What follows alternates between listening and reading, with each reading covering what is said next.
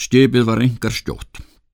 Þá eru fjöldi annar að skipa úr höfninni er Arnbjörn átti, skútur og rórarferjur en langskip er Arnbjörn átti fór síðast því að það var þingstundir árum.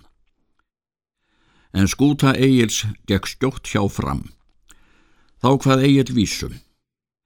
Erfingi réð arfi, arfljúr fyrir mér svarfa, mætik hans og heitum hótum þyrni fótar.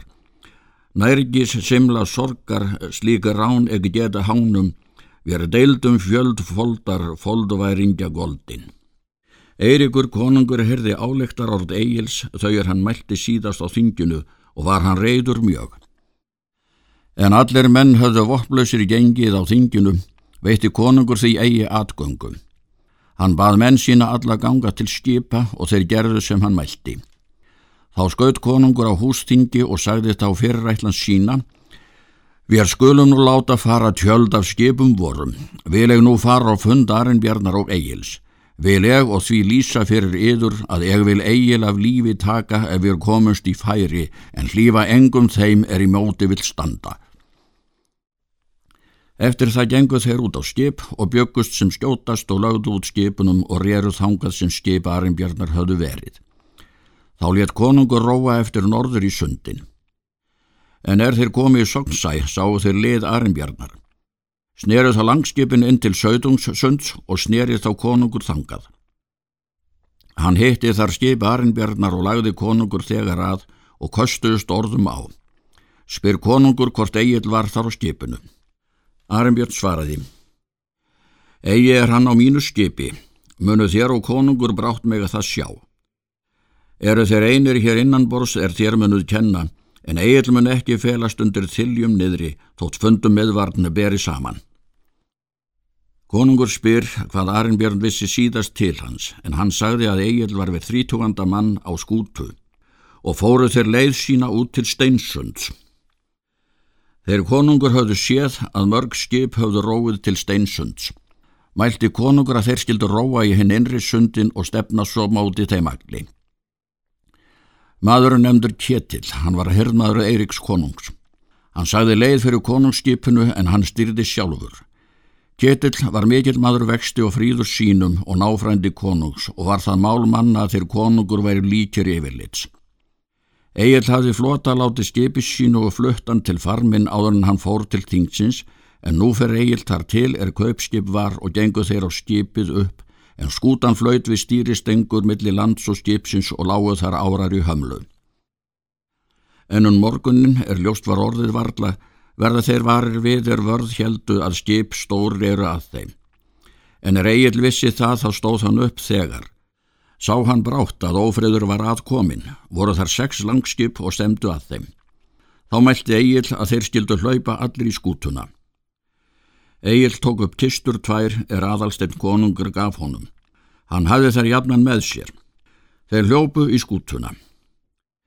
Hann vopnaðist skjótt og allir þeir og reru fram í milli landsins og snekju þeirrar er næst forlandinu en það var skip Eiriks konungs.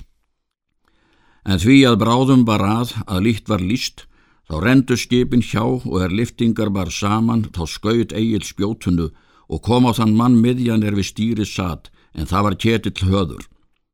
Þá kallar Eiríkur konungur og bað menn róa eftir þeim agli. En er skipin rendu hjá kaupskipinu, þá hljópu menn konungs upp á skipið, en þeir menn er eftir höfðu orðið af eigilsmönnum og eigil hljópu í skútuna, Þá voru allir drefnir þeirri náðvar en sömur hljópa á land. Þar létust tíu menn að sveitungum eigils. Söm skipin reru eftir þeim agli en söm rendu kaupskipið. Var þar tekið fyrir það allt er innanbors var en þeir brendu skipið. En þeir er eftir þeim agli reru, sóttu ákaft, tóku tveir eina ár.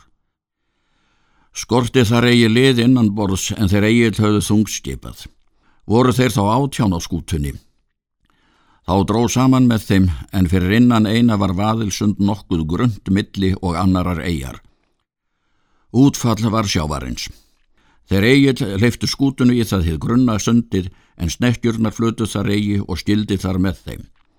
Snerið þá konungur söður aftur en eigil fór norður á fund Arinbjarnar. Þá hvað eigil vísu. Nú hefur þreim rögnir þegna þrótt harðar en mikið varðag, viti varrar sveitar vígelds tíu felda. Þvít sá lagar sírar, sendur orminni hendi, digr fló bent meðal bjúra, bifþorni ketils revja. Egil kom að fund Arnbjarnar og segir honu þessi tíðindi. Arnbjörn segir að honu var ekki vildara að von um skipti þeirra Eiríks konungs.